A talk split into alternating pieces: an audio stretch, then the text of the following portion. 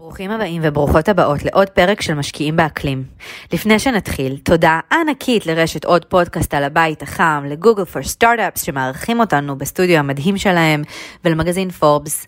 נזכיר שכדאי לעקוב אחרינו בפלטפורמת הפודקאסטים המועדפת עליכם על מנת להתעדכן בפרקים החדשים שיוצאים ולהישאר בלופ, כי החל מהראשון במאי אנחנו עוברים למתכונת עצמאית בתוך רשת עוד פודקאסט, אבל תוכלו לקבל עדכונים רק אם אתם עוקבים אחרינו, אחרי משקיעים באקלים. לקראת הפרק של היום, disclaimer, נזכיר שאין לראות באמור בפרק זה משום המלצה לביצוע פעולות ו/או ייעוץ השקעות ו/או שיווק השקעות ו/או ייעוץ מכל סוג שהוא. אנחנו נרגשים לשתף אתכם היום בשיחה הבאמת מרתקת שהייתה לנו עם ענת לוין, מנכ"לית בלקרוק ישראל, ועודד לוין, דירקטור ומנהל פיתוח פתרונות אנליטיים במערכת אלאדין של בלקרוק, שכמובן נרחיב ונדבר גם עליה וכמה היא מיוחדת. שוחחנו על ניהול סיכונים והפליפ סייד, הצד השני שלהם הזדמנויות, הזדמנויות פיננסיות. שוחחנו בהרחבה על המשמעויות הכלכליות של משבר האקלים ואיך זה מתבטא אל, מול הלקוחות, אל המשקיעים, אה, וגם על איך מטייבים את ההשקעות האלה בתחום ובכלל. אני שני זנסקו ואיתי אוריאל קלר, ובפודקאסט הזה אנחנו מדברים על כל מה שקשור בעולם הצומח של טכנולוגיות אקלים, ממשקיעים, סטארט-אפים, תאגידים, פונקציות ממשלה ועוד, על מנת להתמקד בפתרונות עבור אתגרי משבר האקלים השונים ובהזדמנויות העסקיות הקיימות לצד ההשפעה החיובית האדירה על העולם. כי כמו שאנחנו יודעים טוב מאוד בתעשייה שלנו, ואולי גם קצת בחיים עצמם, כל משבר הוא הזדמנות, ופה יש לנו חתיכת משבר.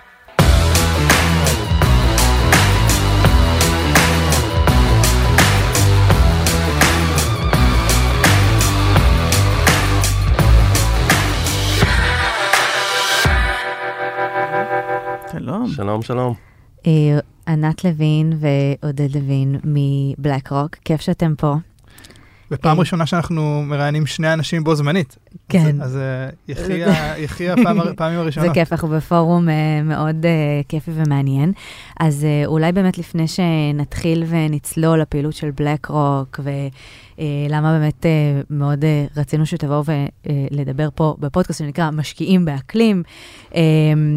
נשמח שתספרו לנו קצת על עצמכם, כל אחד. ענת, את מוזמנת להתחיל. קודם כל, תודה שהזמנתם אותנו. ממש תודה. דבר שני, עודד לוין הוא לא בן שלי, לא בעלי, ולא אחי. אה, יצא, כך יצא, שאנחנו עובדים ביחד בבלקרוק ישראל. אני הגעתי לבלקרוק אחרי הרבה מאוד שנים של, אה, כמנהלת השקעות ראשית בחברות ביטוח בשתי חברות ביטוח הגדולות בישראל, גם אה, מגדל וגם כלל. אה, עבדתי גם בבנק הפועלים. זאת אומרת, הרקע שלי הוא באמת רקע פיננסי, השקעות ב-20, 30 שנה האחרונות, בעצם. נעים מאוד, באמת כיף להיות פה. אז uh, אני עודד, מהרצליה. Uh, הדרך שלי לבלקו קצת uh, יותר קצרה משל ענת, כי אני בבלקו כבר uh, 15 שנה בערך. וואו. אני התחלתי במשרדים בניו יורק מיד אחרי תואר שני. Uh, הרעיון הזה של לעשות תואר שני בחו"ל, לצבור ניסיון תעסוקתי בחו"ל, ובכלל חוויות, זה משהו שמאוד uh, ככה קרץ לי. אז ככה מצאתי את עצמי במשרדים בניו יורק, ואחרי זה בלונדון, uh, ועכשיו בבלקרוק ישראל. עכשיו, במשך כל התקופה הזאת בבלקרוק, Uh, גם אז וגם, וגם היום אני עובד בחטיבה שנקראת אלאדין, mm-hmm. uh, בתוך BlackRock Solutions, ו- ואני מניח ש...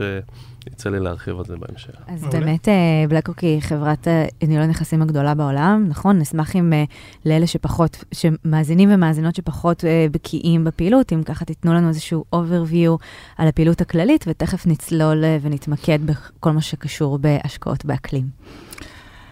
נכון. אנחנו חברה שבעצם יש לה גם ייעוד. זה לא רק חברת ניהול הכסף הגדולה בעולם, יש לנו ייעוד. אנחנו... אנחנו פה בשביל אה, לאפשר למשקיעים שלנו עצמאות כלכלית, לאפשר להם אה, אפשרויות השקעה וכדומה. אה, זו אכן חברה שהגיעה בזכות הייעוד הזה והפוקוס שלה על העמיתים ועל הלקוחות שלה להיקף של קרוב לעשרה טריליון דולר mm. בדוחות הכספיים האחרונים. אנחנו מאפשרים, יש לנו, אנחנו מאפשרים בעצם השקעה במוצרים אה, בכל העולם אנחנו פזורים על על קרוב ל-70 סניפים במעל, ב-30 מדינות. זה מאפשר לנו למעשה להציע שירותי השקעה מאוד מגוונים מצד אחד ומאוד לוקאליים מצד שני, mm-hmm. ולאחד באמת בין הלוקליזציה והגלובליזציה הזאת בצורה, בצורה אה, אופטימלית. אה, אנחנו, כמו שהבנתם, הנרטיב שלנו הוא כל הזמן נרטיב שאומר שמוצרי השקעה צריכים להיות משהו שהוא מאוד נגיש, הוא מאוד אה, אה, ברור, אה, אה, הוא מאוד הוגן אה, כלפי הלקוח, והוא כל הזמן מסתכל על כל הסטייק הולדר שלו. תכף אחר כך נגיע איך הגענו באמת לעולם של האקלים דרך זה. אה, ואנחנו גם אה, חברה טכנולוגית, כי, כי בלקוק בעצם צמחה בבסיס שלה אה, על... על מערכת טכנולוגית, מערכת ניהול סיכונים מאוד מאוד מפותחת. שמענו איך קוראים לה, שמה אלאדין.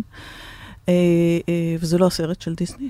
אלאדין זה asset liability, asset, asset liability, debt and derivative investment uh, uh, ההפך מדיסני.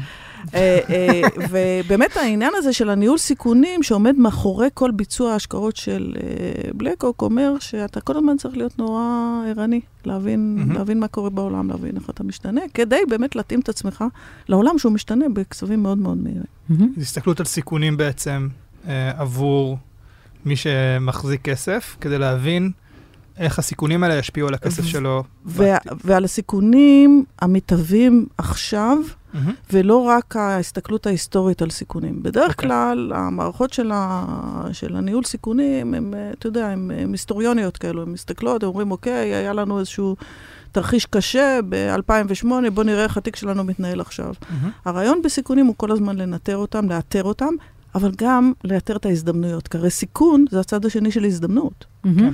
זה סיכון הוא לא סיכון, הוא גם הזדמנות. זאת אומרת, אם אתה יודע לאתר אותו נכון, אתה גם מאתר איפה ההזדמנות, לא רק איפה הסיכון. ולכן המערכת הזאת היא גם מאפשרת לנו לנהל מידע, היא גם גורמת לנו בעצם לאסוף הרבה מאוד מידע.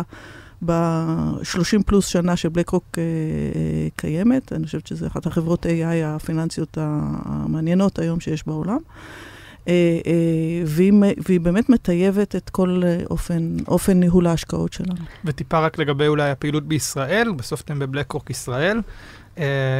איך זה לעומת בבלק רוק הגלובלית? מה הפעילות שלכם ספציפית כאן? כמו שאמרתי, אנחנו פרוסים במעל 30 מדינות, ישראל היא אחת מהן, mm-hmm. וחשובה מאוד. אנחנו רשמנו כאן מוצרים להשקעה בבורסה בתל אביב, כמובן שזה לא פודקאסט של ייעוץ, הדבר, כן. אנחנו רחוקים מעולם הייעוץ, כן. ואנחנו צריכים להבין שאנחנו מדברים פה לקהל רחב. אבל אנחנו גם רשמנו פה מוצרים, ואנחנו גם אה, עובדים מול המשקיעים המקומיים, mm-hmm. המוסדיים, בשביל להנגיש ולהסביר את המוצרים שלנו. להנגיש ולהסביר את, ה, את המחשבה מאחוריהם. אגב, זה לא בהכרח הם יגיעו למוצרים שלנו, אבל הם כן יבינו את המחשבה וה-thought leader והחשיבה וה, הפיננסית. אנחנו בהחלט נמצאים אה, גם בשביל זה, וגם כמובן אה, לקדם את המוצרים שלנו פה. ובאמת, מתוך האנרציה הזאת של אה, זיהוי סיכונים והזדמנויות, איפה מגיע לכאן כל הנושא של משבר האקלים, שהוא סיכון אדיר? באמת, בלקרוק, אני חושבת, ידועה בחזון מאוד... אה, רחב, ואפילו, אני אגיד באופן אישי, inspiring, כי בסופו של דבר זה באמת חברה של ניהול כסף, אבל אנחנו רואים שמתוך ההנחה הזאת של אתם כל הזמן אה, בודקים מה הסיכונים ואיפה ההזדמנויות, תוכלי לספר לנו קצת גם מה החזון של בלק רוק וגם אה, מה... מה אתם רואים שמתרחש בעולם, נשמח שתשתפו אותנו. לפני שעודד קופץ, אה, אה, כי, כי זה ממש בלב הרבה דברים שהוא עושה. ברור, בגלל זה אה, שניכם פה. אני רק רוצה לומר שני דברים. זאת אומרת, לא יודעת אם זה יהיה שניים, אולי שלושה. ההבנה שסיכון אקלים הוא סיכון השקעה, היא הבנה שנבנתה אצלנו תוך כדי דיאלוג מאוד פתוח עם הלקוחות שלנו. בעצם, בדיאלוג עם הלקוחות שלנו, פתאום, אני חושבת, זאת אומרת, התחלנו להבין שזה נושא שצובר נזקים כלכליים, צובר אה, אה, אה, סיכונים והזדמנויות שהם מבקשים מאיתנו לעזור להם לנתח. ואז הצלחנו להבין שזה בעצם, אה, והתחלנו להבין ולהפנים שזה סיכון השקעה. אגב, אנחנו... אה, אה, עוד פעם, זה נובע מכל הייעוד שלנו, מכל זה שאנחנו כל הזמן מסתכלים קדימה. Mm-hmm. הבנו שזה סיכון אקלים הוא סיכון השקעה, והבנו באמת שיש, ת, שזה לא מתומחר נכון בשווקים. כן. שהסיכון לא מתומחר נכון. וה, וגם ההזדמנות לא okay. אוקיי. מתומחרת נכון בשווקים. ועודד, סליחה, כיוון שקפצתי, אבל אתה. לא, לא, בסדר. אני, בוא, בוא נעשה רגע הקדמה על אלאדין. אלאדין זה מערכת טכנולוגית, זה מערכת לניהול השקעות.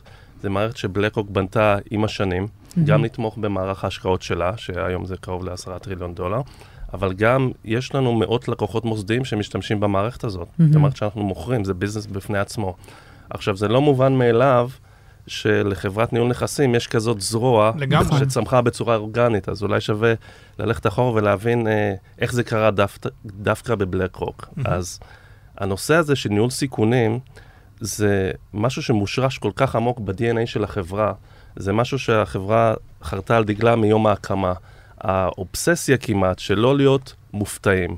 שאנחנו בתור מנהלי השקעות חייבים לדעת בדיוק מה אנחנו מחזיקים בפורטפוליו, מה יכול לקרות בתרחישים כאלה ואחרים, ולא להיות מופתעים, כמו בכל משבר, שרק בדיעבד אתה מסתכל אחורה כן. ואתה מבין כמה היית חשוף. כיבוי שרפות כזה. אתה חושב לתומך שהפורטפוליו שלך מפוזר, אבל פתאום הכל קורס ביחד, כל, כל הקורולציות שעל בסיסן הנחת את פיזור ההשקעות קורסות במקביל, אז עם ה mindset הנורוטי הזה כמעט, בתחילת הדרך חיפשו מערכת כזאת בשוק ולא מצאו, אז החליטו לפתח לבד.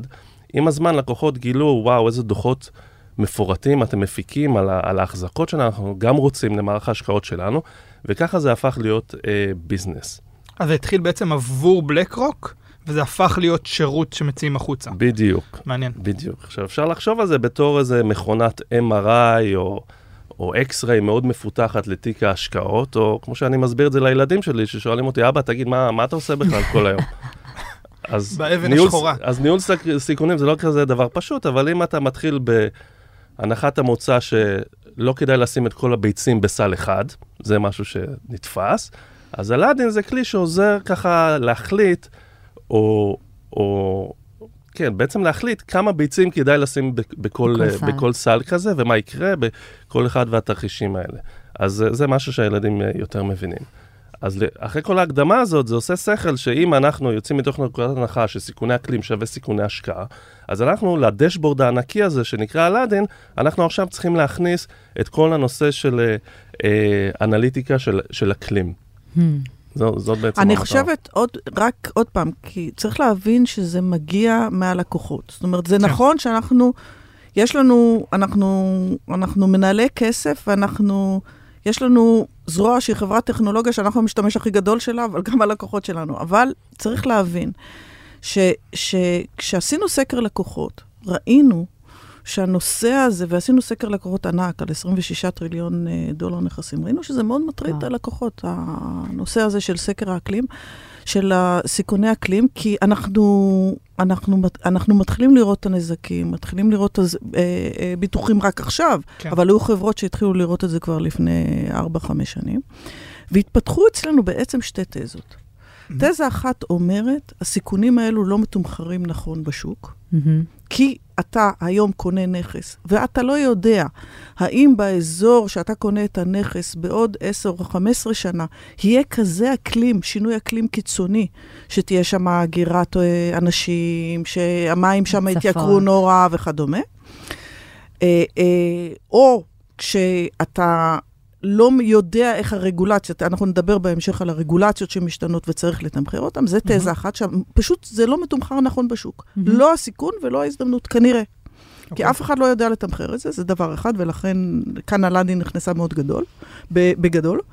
ודבר שני, זה שיש תנועות הון. Okay. זאת אוקיי. אומרת, העולם משתנה.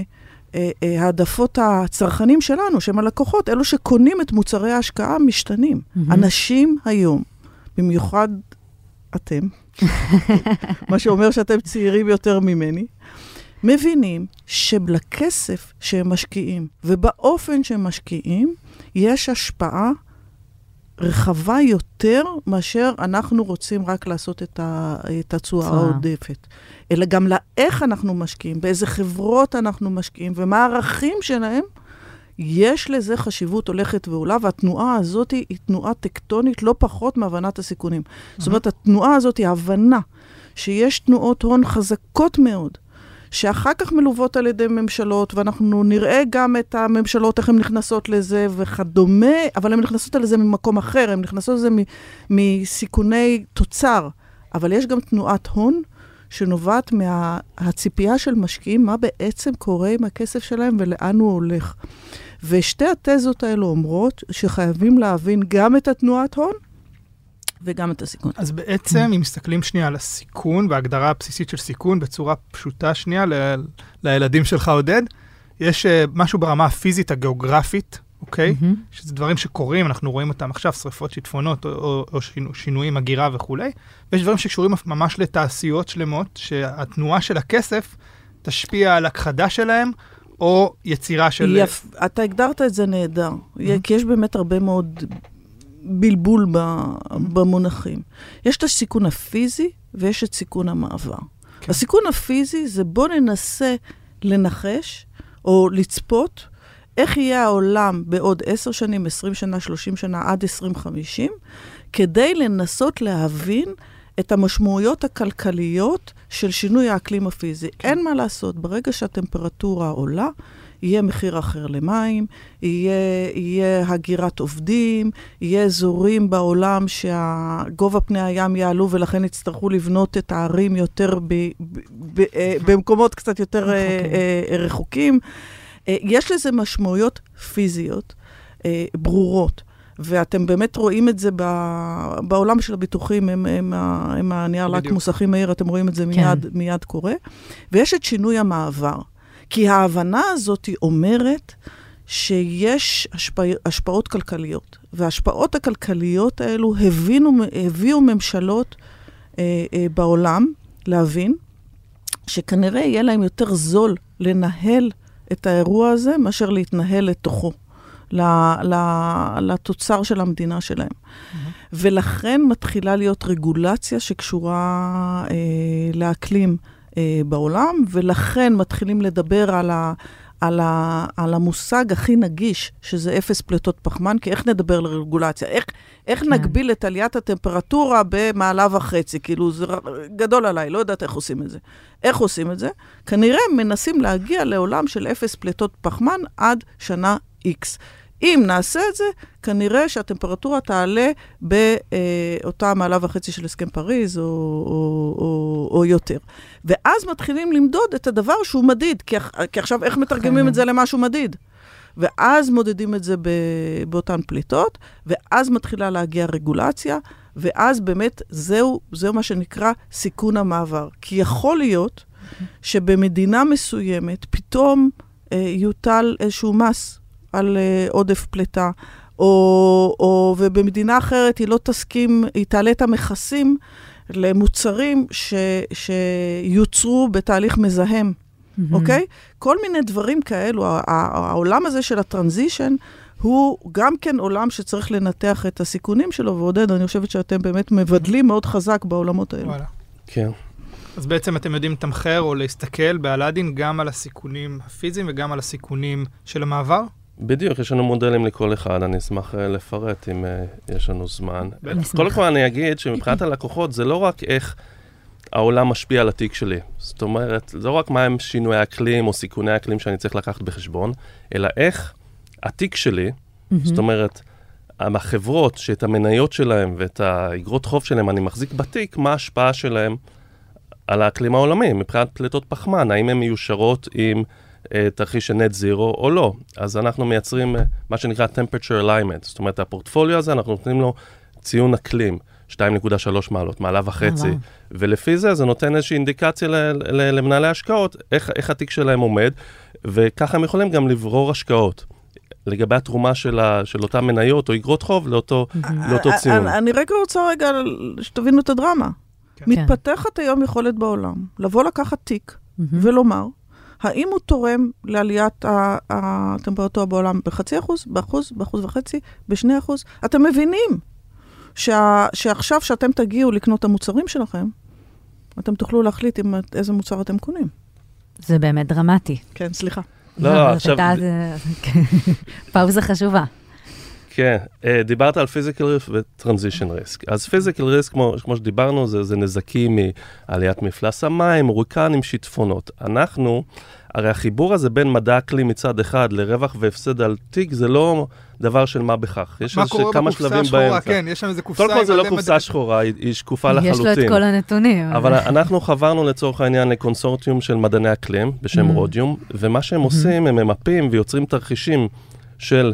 אה, של אקלים בתאי שטח מאוד מאוד קטנים, 25 מטר על 25 מטר.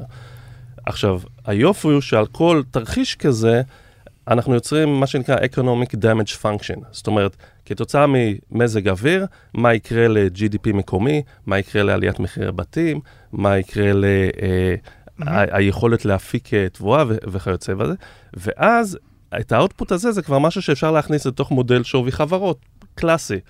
ולכן לכל תרחיש אנחנו יוצרים את ה-P&L לגבי החברות, okay. אוקיי. איפה נמצאים המפעלים שלהם, איפה נמצאים הנכסים שלהם, וככה אפשר ממש אה, להשוות, ברגע שאתה עושה את זה לנייר אחד, אפשר לעשות לזה אגרגציה, mm-hmm. ואפשר לעשות את זה על תיק שלם. עכשיו, כמו שאנחנו כל הזמן מנסים להגיד, זה לא רק כמה רע יכול להיות, זה גם לאתר את ההזדמנויות, כי mm-hmm. כל, אם תיקחו נניח את, את ההיטמפ של ארה"ב, אתם תגלו שיש אזורים שמפסידים המון, או נפגעים המון כתוצאה מהעלייה של טמפרטורות, אבל יש גם אזורים ש, שמרוויחים, mm-hmm. אולי כי החורף מתקצר, העלויות חימום אה, יורדות, זאת אומרת, זה אזורים ש, שברמה המקומית, הלוקאלית, נהנים מה, מהמעבר הזה, וזה פיזיקל ריסק.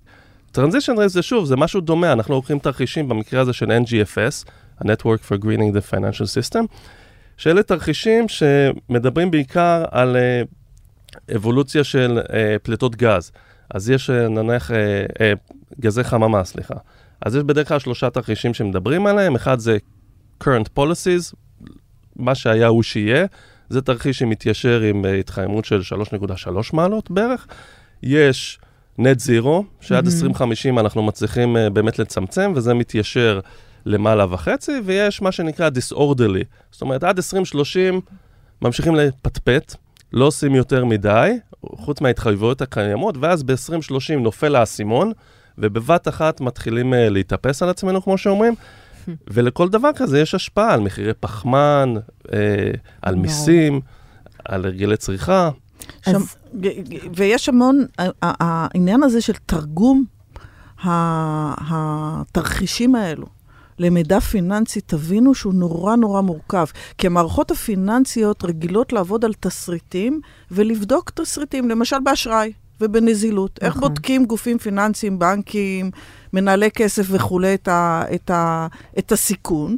הם לוקחים תרחיש, הם בודקים את ההתנהגות שלו, ואחר כך עושים לו backtest. איך נעשה backtest לאקלים? זה רק עולה. כן. כן. ודיברתם באמת גם על, חוץ מלכמת ולמדוד את הריסקס, אז נוצרות כאן המון המון הזדמנויות. אז איך באמת אה, דיברת לתרגם את המידע הזה, אז איך מתרגמים את זה, או אם אתם יכולים לתת לנו כמה דוגמאות לאיך תרגמתם אה, מוצרים שונים שיצרתם בעקבות ההזדמנויות שעלו אה, מהמערכות המאוד מאוד מתוחכמות האלה שיש לכם? תראי, יש uh, ההזדמנויות, כמו שאמרנו, שהן הצד השני של הסיכון, הן נובעות מקודם כל איתור תעשיות. העולם ישקיע הרבה מאוד כסף mm-hmm. בניסיון uh, uh, להציל את עצמו מהמשבר בעצם... מעצמו. ה... לא, מהמשבר ש... שכולנו צריכים ביחד איכשהו להתמודד איתו. זה לא, זה לא שמדינה, מדינה צריכה להתמודד איתו, זה לא שרק ממשלה אחת צריכה להתמודד איתו. בסוף יש כדור אחד, כולנו מחוברים לאותו כדור. זה שמעלינו יש אוויר נקי לא אומר שאנחנו לא נסבול את ההשפעות של האקלים. זאת אומרת, החשיבה הזאת היא צריכה באמת להתרחב. Mm-hmm.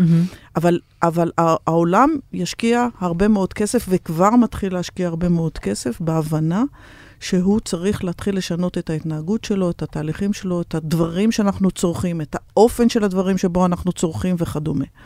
עכשיו, סכומי כסף האלו הם נעים מביל גייטס שמדבר על 50 טריליון אה, אה, למספרים אחרים, כן. מדברים במונחי GDP ל, על, על באמת... רבע מה-GDP, כן, בדיוק. כל מיני מדברים על... זה הרבה כסף. כן. כן. אוקיי? ברור שזה הרבה כסף. ברור שהעולם ינסה גם, אפרופו אנחנו איתכם, בטכנולוגיה, לנסות לפתור את הבעיה. Mm-hmm. אבל ברור שרק טכנולוגיה לא פותרת את הבעיה. נכון. זה יהיה חלק מהשילוב הכולל של הנושאים, אבל ההזדמנויות בהחלט נמצאות גם בעולם של הטכנולוגיה, לזהות את הטכנולוגיות שינצחו את העולם הזה, ולארי פינק, ה-CEO שלנו, אומר, ש, שהיוניקורנים הבאים, mm-hmm. הם יהיו כולם קשורים לנושא של, ה, של, אז... ה, של האקלים, וגם לזהות באמת את החברות. שיודעות לעשות את השינוי, כי יש לכם חברות אינקאומבנט, חברות uh, אנרגיה, mm-hmm. שפשוט יהיו יותר מוצלחות בלעשות את השינוי. ויש חברות שפשוט לא יעשו את השינוי, ופתאום באותו 2030, בתרחיש הכאוטי של עודד, יגלו את עצמם שהם, שהם כבר לא רלוונטיים. כן. אופס, הם לא, הם לא שם. ולכן זה לא השאלה אם אני חברת נפט, חברת אנרגיה כזו או אחרת, זה השאלה איך אני עושה את השינוי. אני, אני רוצה לגעת בנקודה חשובה שהזכרת בהקשר לבלק רוק. בעצם אה, מאוד ברור שבלק רוק תפסה עמדת הובלה ברמה של החזון אה, בכל הנוגע לאקלים. עכשיו, זה מובדל מאוד מהרבה גופים פיננסיים אחרים. כלומר, יש חלוציות ממש בכל ההתייחסות לאקלים, אה, ומעניין לדעת האם זה, אה, כלומר, מה, מה, איך שאתם מרגישים, מה, מה המניעים לזה? האם זה מניע שהוא באמת קשור להזדמנויות שראיתם סביב uh, תמחור של סיכונים והדברים הפנימיים שהיו אצלכם? או שיש... מה, מה, מה הם הדרייברים הפנימיים בתוך הארגון שהובילו לחלוציות הזאת? החזון, אני, ההבלה שלנו בחזון אומרת שאנחנו מחויבים לעתיד כלכלי טוב יותר של המשקיעים שלנו ולעצמאות הכלכלית שלהם. דרך זה הגענו להבנה שאם לא נרגיע לניתוח הנכון, הפיננסי של הסיכוני אקלים, בעצם לא נאפשר. אנחנו שלנו. חוטאים לתפקיד שלנו. זאת אומרת, מדהים. בתור נאמנים, בתור פידושייריס, mm-hmm. אנחנו אומרים, לא יכול להיות שאם אנחנו, זה מה שאנחנו חותרים אליו, שיתוחו עינינו מלראות שזה הסיכון הכי גדול שעומד בפני האנושות, הכלכלה, האינפלציה, זה הדבר שהולך להשפיע הכי הרבה ב-30 שנה הקרובות. עכשיו, כמו שעודד אמר, לוקח לאסימון זמן ליפול. כן.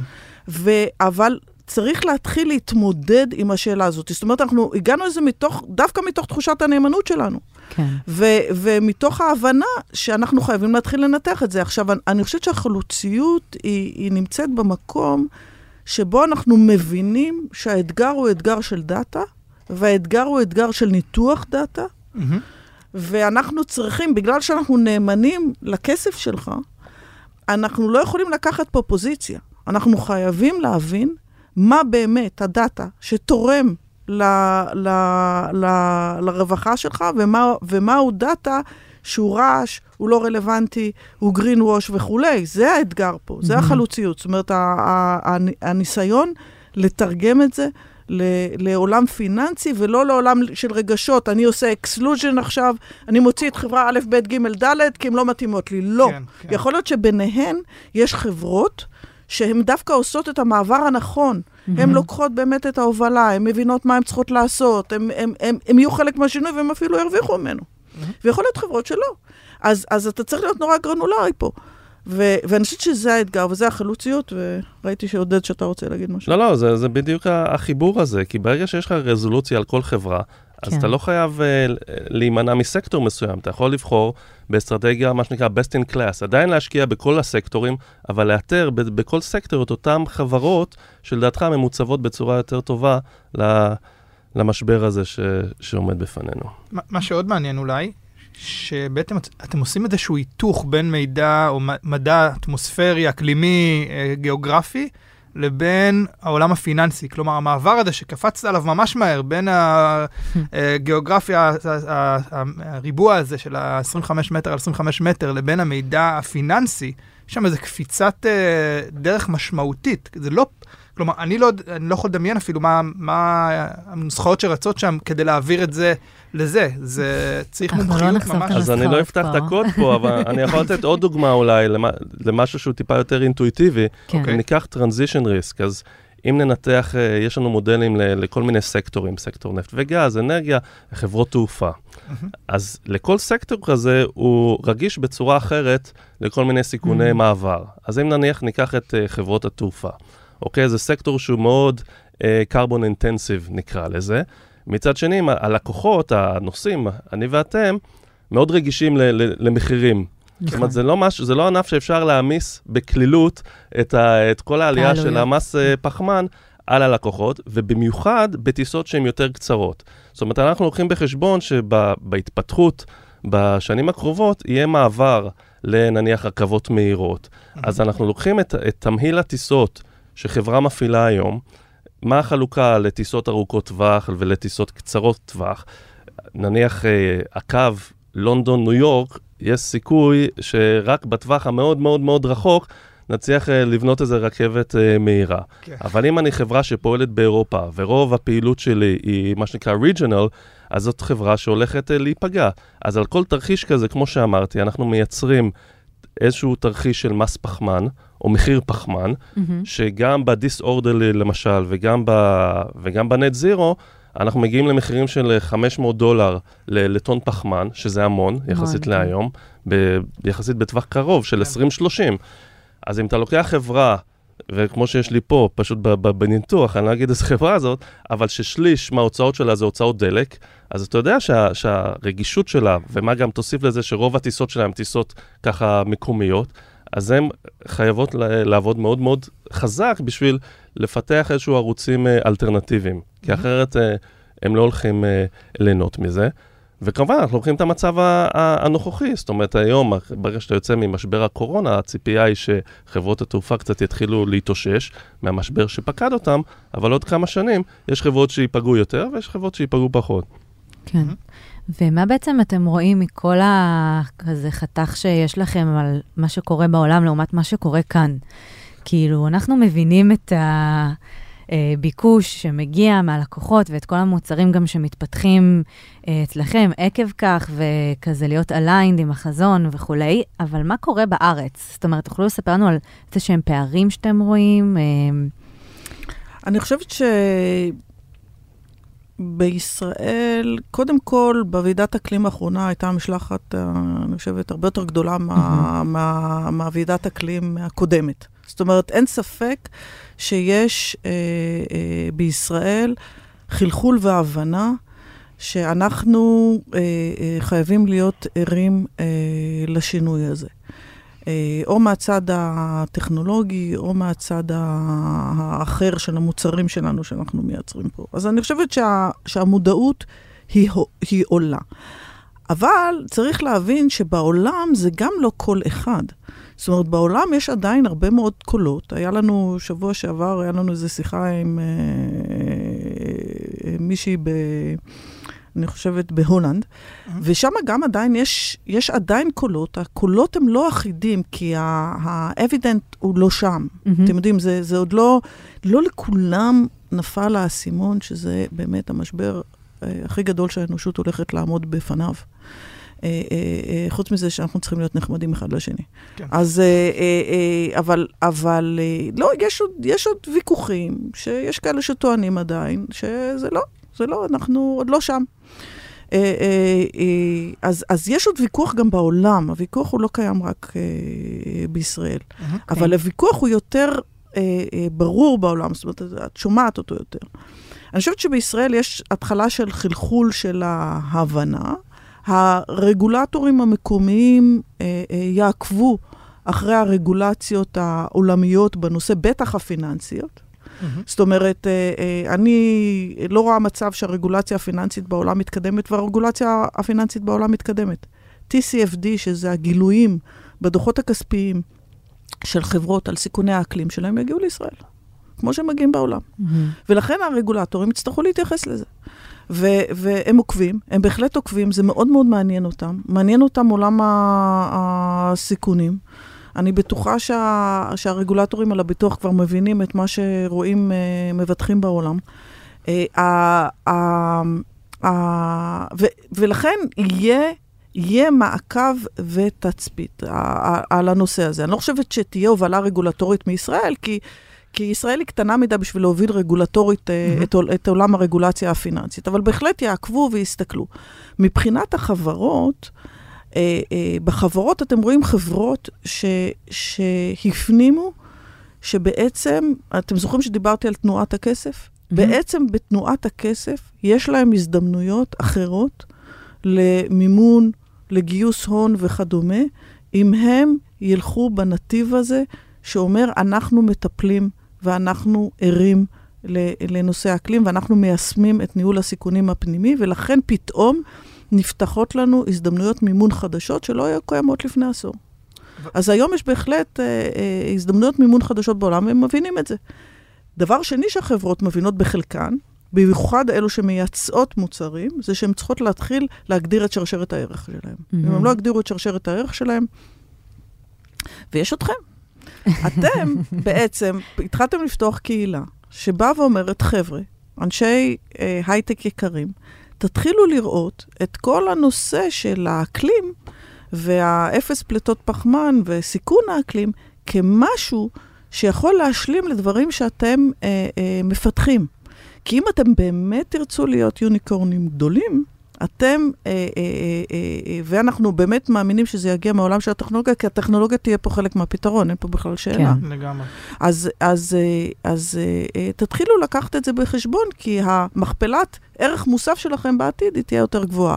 אז הנה, אנחנו יושבים פה, זה אומר שבישראל מתחילה, מתחילה התעוררות. אנחנו מנסים. מה שמעניין אבל בהקשר לישראל וה-DNA הישראלי, דיברנו הרבה על סיכון. כן. ובישראל אנחנו טובים בסיכון וסכנה no, וחירום ובלאגנים, ואנחנו טובים בלהגיב לזה גם ברוב המקרים נגיד. אנחנו חיים בזה, זה כאילו, הד... עוד פעם, ה-DNA הישראלי. ופה יש איזושהי החמצה. כי הסיכון הזה, בניגוד לסיכונים אחרים, הוא איפשהו נשאר או בשורות קוד, או ב... בנטפליקס, או במקומות אחרים. כזה נישתי יותר, נחשב. ונתפס לפעמים במקומות שהם לאו דווקא סיכונים ממשיים. כלומר, רק כשמחברים את זה לתמונות של השריפות והשיטפונות, אנשים אולי טיפה מתעוררים. אני, אני חושב, זאת התיאוריה שלי, אנחנו באמת, כמו שאמרת, אנחנו די טובים שחרב מתנוססת לנו מעל הראש, כן. ופה החרב הזאת מתנוססת, אבל היא מתנוססת בסלואו מושן. זאת אומרת, ה-sense of urgency כנראה לא קיים, מצד אחד, ומצד שני, עם כל ה... כל ה כל הדברים שכן עובדים פה בארץ טוב, הסייבר והחיבור לצבא, זה, זה חיבור פחות טבעי כנראה לאקלים. אז ה- הישועה כנראה תבוא מתחום האקדמיה, ואני לא צריך להסביר לכם כמה הארדוור בשביל לפתח משהו צריך, או, וה-time to market, זה לא... זה כל התירוצים שאנחנו שומעים, בח... וגם אני, אני כמשקיעה, אתה יודע, אני, אני מניח. תמיד... אז, אה, אז מענקים ואקדמיה והחיבור הזה למחקר, משהו שיזרז את ה-sense of urgency, זה כנראה מה שצריך לשים עליו את הדגש. אני חושבת שבאופן אה, כללי, אה, כמו שעודד אמר, אנחנו, הרבה, הרבה דברים בישראל הם, הם הגיעו מה, מה-necessity. אבל, אבל תיקחו למשל את נושא המים. כן. ישראל היא אלופה במים. אני לא יודעת אם אתם יודעים, אבל, אבל uh, ישראל היא מובילה עולמית בהתפלת מים פר נכון. נפש. פשוט מובילה עולמית. וגם את טיפול בשפכים. בדיוק, ו... פשוט מובילה עולמית. עכשיו, קחו את הדבר הזה, תחברו לו מכפלות כוח, ותבינו שהרי נושא האקלים קשור בטבורו לנושא המים. Mm-hmm. ו- וברור לכם שאנחנו יכולים להוביל בתחום הזה. עכשיו, אם ניקח את, ה- את העולמות ש- שתעשיית הטכנולוגיה התפתחה פה, באמת התפתחה הרבה ב- בזכות היכולת שלנו לקצר, אתם יודעים, לחשוב פתוח, לקצר פינות וכדומה, הרבה דיברו על האופי הישראלי, אבל גם באמת בגלל שנאלצנו להתמודד ביטחונית עם הרבה מאוד אה, אה, סיכונים. הדאטה שעומד מאחורי הניתוח סיכונים שלנו הביטחוני, הוא דאטה שיכול להיות מתורגם מאוד מאוד מהר, בכלל. גם לעולם של האקלים. אבל כל מה שצריך זה באמת רק קצת מודעות וקצת הבנה ש, ש, שיש קונה בצד השני. שיש לזה ערך אה, אה, כלכלי.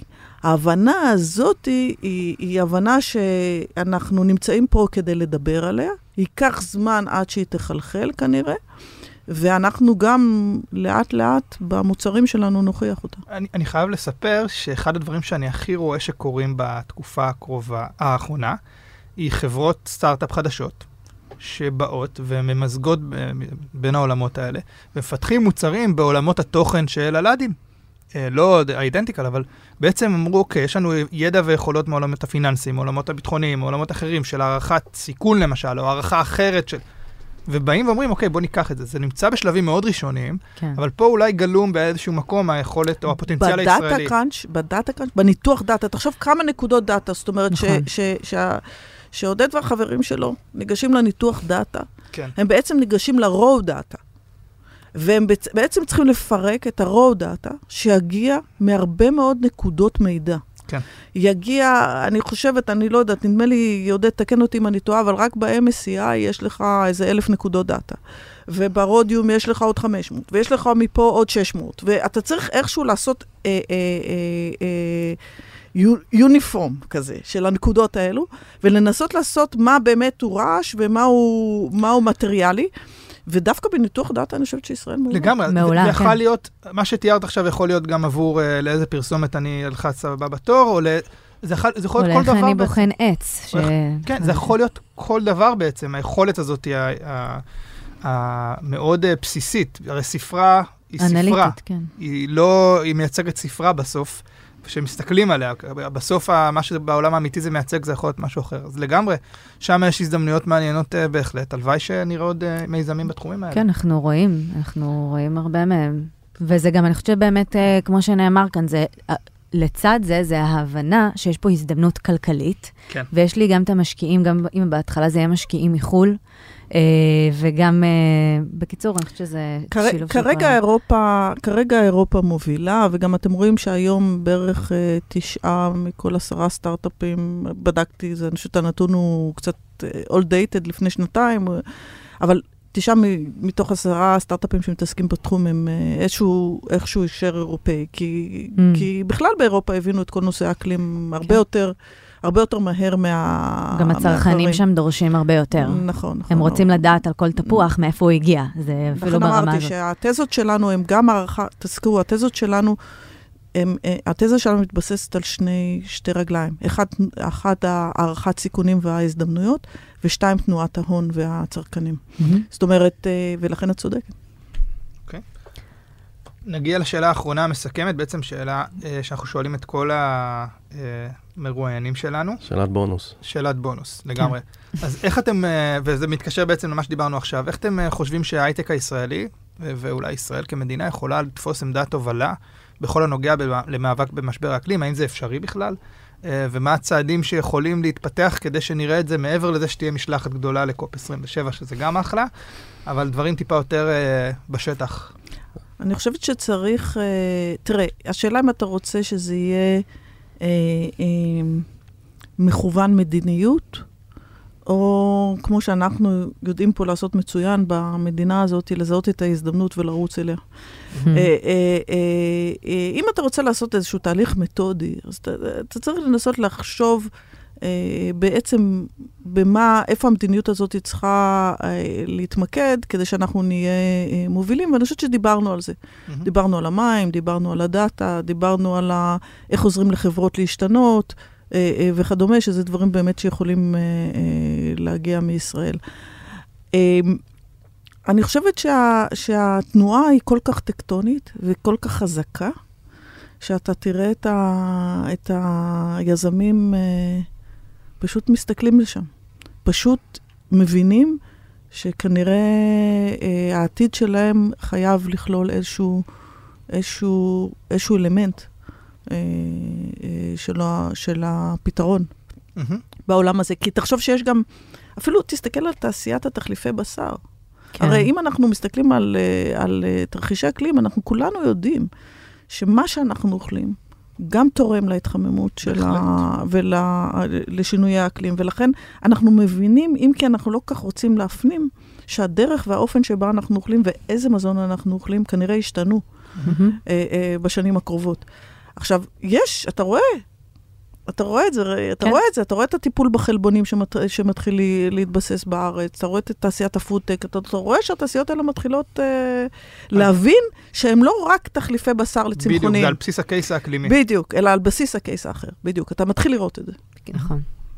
אה, תראה, אני לא חושב בהכרח שאנחנו חייבים ישר לנסות להוביל, מספיק שנתרום את חלקנו ונמשיך משם. כן. Uh, בעולם שלי, התחום, דיברנו על זה גם, על ה-AI ו-crunching numbers, וכל הטכנולוגיה הזאת בתחום שלי יכולה לעזור בשביל לטייב את המודלים, בשביל להפוך אותם ליותר טובים, וברגע שזה הופך להיות ליותר טוב, אז זה, זה, זה שימוש של עשרות ומאות טריליוני דולרים. בעולם שיכולים לעשות שימוש בטכנולוגיה הזאת. אז, אז יכול להיות שאותם סטארט-אפים שהיום רק צריכים לעשות איזה פיבוט קטן בשביל אה, להלביש לזה אלמנט של אקלים ואלמנט של... זה לא רק פתרון להשקיה, mm-hmm. אלא פתרון uh, לחזות עכשיו uh, תמורות של מחירי תבואה ודברים כאלה. זה, זה חיבור שהוא לא כזה דרסטי, זה לא נכון. פיבוט של 180 מעלות, אבל כן יכול להתקשר לנושא של אקלים ולטייב מודלים. כן, added value. טוב, אז uh, שמחנו לארח אתכם. טוב שאתם פה בישראל uh, מהווים את החזון ואת הדרך של בלק רוק העולמית. אני חושב שזה מאוד משמעותי. כן. ותודה. תודה ענקית. תודה שהזמנתם. תודה שהערכתם. תודה שהערכתם אותנו. ביי ביי. תודה שהייתם איתנו בעוד פרק של משקיעים באקלים, מעריכים את זה מאוד, וכמובן שוב מזכירים שאם מעניין לכם ובא לכם, אל תשכחו לעקוב אחרינו, וכמובן, אם יש מי שאתם חושבים שיכולים ויכולות לקבל ערך מהפודקאסט הזה, אנא שתפו, ונתראה בפרק הבא.